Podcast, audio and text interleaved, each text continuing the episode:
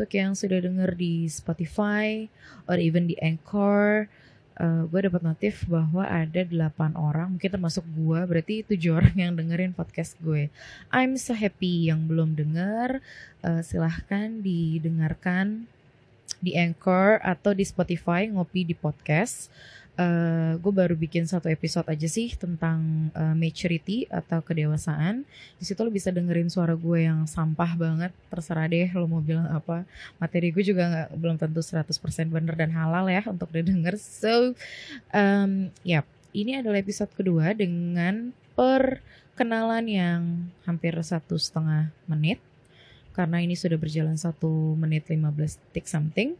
So I'm so happy gue bisa nge-record suara lagi dan melanjutkan podcast gue di episode yang kedua di mana episode kedua ini gue selipkan sorry agak mendem suara gue. Gue selipkan perkenalan yang agak-agak uh, mengganggu. So the di ya di episode yang kedua ini sesuai judulnya gue akan membahas tentang uh, dating online atau uh, aplikasi-aplikasi pencari jodoh yang sangat amat tenar di kalangan masyarakat milenial di Jakarta atau di Indonesia lah. Gue gak tahu sih apakah di Papua ada dating online, di misalnya di mana namanya Palu, terus di daerah-daerah terpencil itu ada yang menggunakan aplikasi dating online atau enggak. Because yang gue tahu daerah-daerah terpencil itu amat sangat susah sinyal sedangkan aplikasi dating online itu uh, karena gue pernah pakai jadi gue tahu itu membutuhkan koneksi internet yang lumayan high. That's the point. So let's start it to the topic. Uh, aplikasi dating online itu gue baru uh, gunain atau katakanlah gue baru install sekitar tahun 2016 or 2015 something gitu gue lupa. Sekitar lima tahunan gitu. Dan yang gue uh, download saat itu adalah uh, Oh, dulu itu belum ada apps yang bisa di-download di Play Store gitu loh. Ngerti gak sih lo? Kayak dulu tuh cuma ada website namanya Okupit dan sekarang masih ada. And then, thanks God, ya sekarang sudah ada appsnya. Walaupun gue udah gak pakai lagi Okupit. Okupit tuh kayak O, K, terus Cupid. Cupid ya Angel. Okupit.com. Dulu gue pakai itu dan uh, setelah itu gue tau lah aplikasi yang bernama Tinder yeah you getting know until now itu hip banget dan jadi dambaannya para uh, single one dan single wati. I don't know what he's talking about about jomblo. Tapi yang gue tahu itu sampai sekarang masih hits banget Tinder dibahas di mana-mana. Oh my god, it's crazy. Itu kayak semuanya tuh harus ada aplikasi itu, semuanya harus punya dan bla bla bla sebenarnya tidak mengharuskan ya. Maksudnya untuk mereka yang masih sendiri, kenapa sih lo nggak coba untuk uh, getting to know each other di dating online itu gitu. Jadi kan kalau di Tinder itu dia bisa bisa dia bisa uh, atur dari distance, terus dari umur, kemudian lo cari yang kayak apa sih kayak gitu-gitu. Nah, uh, semenjak timbul iklan pokoknya ada dari salah satu televisi dan uh, di YouTube juga itu mulai mengiklankan aplikasi dating online itu. Gue nggak tahu apakah Tinder itu uh, dibuat dari Indonesia atau bukan? Kayaknya bukan sih. Tapi kenapa ya bisa tiba-tiba muncul di TV lokal gitu? I don't know. Ya mungkin dia dari perusahaan asing terus bayar gitu kan komersil untuk uh, bikin break komersil Tinder sebentar doang. Tapi iklannya pun tidak bertahan lama yang gue ingat. Jadi gitu Nah, kenapa bisa bikin hits? I don't know. Mungkin semakin banyak influencer yang bikin cerita tentang how I meet my husband on Tinder, how I meet my girlfriend on Tinder. So that's why Tinder jadinya up terus, hit terus, dan makin banyak orang yang pengen tahu apa sih Tinder, gimana sih cara kerjanya, dan worth it nggak sih untuk gua download kayak gitu. Sedangkan appsnya aja tuh bisa berapa puluh mega gitu lah ya. Lumayan untuk menyita storage uh, handphone lo. Apalagi kalau storage handphone lo udah nggak terlalu besar nih capacity-nya. And sorry. And then uh, apa sih tujuan gue untuk install aplikasi dating online, first of all, gue adalah orang yang amat sangat susah mendapatkan uh, kecengan atau gebetan. Gue nggak tahu sih. Selama gue kuliah since 2011 sampai 2016 itu gue nggak pernah sama sekali pacaran sama uh, orang yang satu kampus atau teman-teman sendiri gitu. Gue nggak pernah. Sedangkan uh, temen gue tuh kadang suka ada yang cinlok lah sama teman beda fakultas atau apa. Sedangkan gue never. Sampai akhirnya uh, temen gue ada yang nanya gitu. Uh, teman sekolah nanya ke gue eh lo waktu kuliah uh, udah berapa kali pacaran and I just can act like hell no no one. Dan temen gue cuma bisa garuk-garuk kepala dan bingung kayak gak mungkin banget loh masa kuliah lo gak dihabiskan dengan waktu berpacaran juga selain mengurus tugas-tugas gitu kan. But it's true. Itu kejadian sesungguhnya. Gue sama kuliah gak pernah pacaran. I don't know why. Kalau dibilang punya cem-ceman iya gue pernah mengagumi satu satu dua orang senior gue lah waktu di kampus. Tapi hanya sekedar mengagumi aja nggak sampai yang ke tahap gue harus getting know him gitu. Nggak sampai ke situ. Dan akhirnya imbasnya jatuh kepada uh, apps-apps dating online kayak Okupit dan Tinder. Gue hanya pakai dua itu. Nah, dulu itu kan ada zaman WeChat, ada zaman apa namanya ya, uh, banyak lah aplikasi-aplikasi. Tapi yang gue pilih entah kenapa hanya dua itu Okupit dan dan Tinder seperti itu. Nah, by the way kalau dari Okupit itu gue punya satu mantan, kalau dari Tinder itu kayaknya gue punya oh satu mantan juga kayak gitu nah uh, terus apa yang gue lakukan setelah gue apps untuk pertama eh setelah gue download apps itu untuk pertama kalinya? Of course gue mainkan sesuai dengan rules yang ada dan uh, dibuat untuk para penggunanya gitu para user. Uh, kalau Tinder swipe kanan swipe kiri kalau Okupit gue agak lupa sih cara mainnya kayak apa. Pokoknya uh, sama seperti Tinder yang ujung-ujungnya kita akan uh, get to know each other dengan cara chatting. Sama sama kayak WhatsApp sih modelnya chattingan.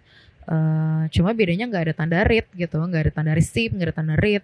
Jadi kita nggak akan tahu nih orang udah baca chatting gue belum ya, terus kapan dia akan online, kayak gitu-gitu itu nggak kelihatan sama sekali dan memang benar-benar lebih menjaga privasi kita untuk tetap uh, getting know each other kayak gitu. Komunikasinya tetap jalan walaupun tanpa di stalkingin kalau bahasa zaman sekarang gitu.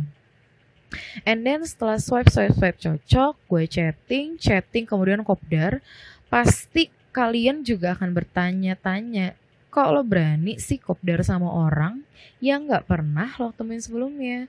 And then my answer is, selama pikiran dan niat gue baik, then I will meet with the good person in face to face kayak gitu sih. Jadi selama ini gue selalu me miliki niat yang baik terus pikiran gue juga nggak pernah negatif. Jadi alhamdulillahnya selama ini gue pakai dating apps itu gue tidak pernah diketemukan dengan orang yang jahat. Selalu yang baik. Tapi kalau yang aneh banyak. Jadi lo harus membedakan uh, kelas jahat dengan aneh guys. Jadi kalau misalkan lo bilang eh tapi kan dia jahat buktinya gini dan menurut gue it's not bad person it's just weird mungkin karena dia gugup mungkin karena dia takut mungkin karena dia nggak um, tahu mesti harus mesti harus mesti ngomong apa kalau ketemu sama orang baru etc dan lain-lain Nah, uh, kuncinya sih cuma satu itu. Selama lo punya niat baik, afirmasi yang positif, lo akan ketemu sama orang yang positif juga. Dan itulah yang selama ini gue temui. Selama lima tahun gue bermain aplikasi itu gue diketemukan sama yang baik-baik juga gitu dan yang aneh-aneh nah kalau misalkan uh, kalian bertanya-tanya aneh tuh kayak apa sih kelasnya pi? Um, let's say lo kopdar untuk pertama kalinya lo akan bertemu dengan orang yang tidak pernah lo temui sebelumnya dan lo hanya bermodalkan foto yang ada di profil ya kan? Of course uh, lo hanya berpatokan dengan foto yang ada di profilnya dia. Mungkin 1 sampai 10 foto mirip semua and then lu berpatokan sama foto 10 foto itu gitu kan kemudian lo chattingan tukar handphone WhatsApp and bla bla bla and ketemu ketika pas hari H uh, lo sudah memperhatikan muka yang ada di handphone lo itu di profilnya dia terus kemudian lo akan bertemu dengan sosok yang beda. It's kind of weird. Gue sampai uh, cuma thanks God-nya untuk orang itu gue adalah bukan yang judgment person. Jadi gue nggak suka yang langsung ngejudge orang eh kalau nggak sesuai sama di foto sih kayak gitu gue nggak paling anti ngomong negatif uh, ke orang dan di depan publik gitu. Karena selama ini oh ya selama ini gue ketemuan atau kopdar selalu di tempat yang rame. Gue nggak mau kayak ketemuan di di apa ya di taman taman tuh menurutku bukan tempat rame ya itu tempat yang jarang banget terlihat orang hahi dan rame. Gue pasti akan ketemuan di cafe yang padat yang banyak orangnya and ya yeah, just like that. Gue gak mau yang bener-bener cuma ketemu berdua gitu tanpa ada warawiri kanan kiri gak mau. Maksudnya bukan dalam artian gue ketemu bareng teman-teman gue juga. No. That's no. Very very no. Big no. Tapi gue ketemu di tempat yang rame. Publik uh, bisa lihat kayak gitu. Nah akhirnya ketika gue bertemu dengan orang yang sama sekali nggak mirip di foto atau di profilnya dia ya gue hanya bisa jadi uh, poker face aja gitu. Kayak hmm, senyum-senyum gak jelas gitu kan. Cuma senyum dan menerima keadaan itu berlangsung sampai selesai. At least gue bisa lepas dari dia setelah kita bilang oh ya yeah, see you ya yeah, bye bye and I got to know that was a prank. Kalau zaman dulu nggak ada prank gue udah kena prank duluan dan baru hits di zaman sekarang. Seperti itu sih anehnya wordnya kayak gitu. Misalnya lo nggak sama sekali nggak ada mirip-miripnya sama yang di foto. And that's who is he? Gitu loh dalam hati ya nggak sih? Kayak terus yang di foto tuh siapa? Lo beda di foto tuh beda. Lo ngebohongin gue. Mungkin kalau gue tipe orang yang uh, ngejudge langsung di depan orangnya itu orang akan berantem kali ya sama gue. But girls come on. Don't be a judgmental person. Karena itu nggak baik ya apalagi buat cewek cantik kayak kita ya kan? Kalau terlalu judgmental tuh kayak ya ampun sepiri next keanehan selanjutnya itu ada bisa juga kayak gini. Uh, orangnya good looking sesuai sama yang di foto sama-sama oke okay lah. Gue nggak mengatakan itu tampan ya tapi sama-sama oke. okay.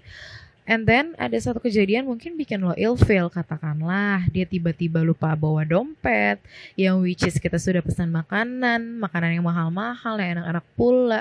And then ujungnya kita yang bayar juga, we pay the bill and dia cuma bilang gue lupa bawa dompet gue nih ketinggalan buru-buru dan bla bla bla akhirnya kita harus pay the bill. So it's kind of weird too tapi banyak juga gadis-gadis di luar sana yang menganggap itu jahat kayak ya itu sih emang bisa-bisaannya aja sih cowoknya biar dia dapet treat dari kita Ya bisa juga atau yang positifnya akan bilang mungkin itu salah satu cara atau idenya dia biar dia bisa ketemu lagi sama kita. Ya alih-alih dia ngomong next meet up gue akan treat loh kayak gitu-gitu. Itu positifnya. Dan gue akan bilang congratulations ya buat cewek-cewek di luar sana yang positif seperti itu tapi gue sering nemuin yang kayak gitu. Uh, yang tiba-tiba nggak bawa dompet tiba-tiba minta dibayarin dulu nanti mau ke ATM ngambil duit dan bla bla bla dan ujung-ujungnya nggak diganti. But gue nggak mempersal nggak mempermasalahkan itu. It's not a big deal for me. It's not a big problems to me. Maksudnya saat gue ketemu si cowok-cowok itu maksudnya katakanlah orang-orang di Tinder itu gue dalam keadaan gue mampu untuk bayarin diri gue sendiri gitu. But if you want to treat from me so ya ya sudah gue akan anggap itu sedekah kalau dia tiba-tiba menghilang gitu aja sih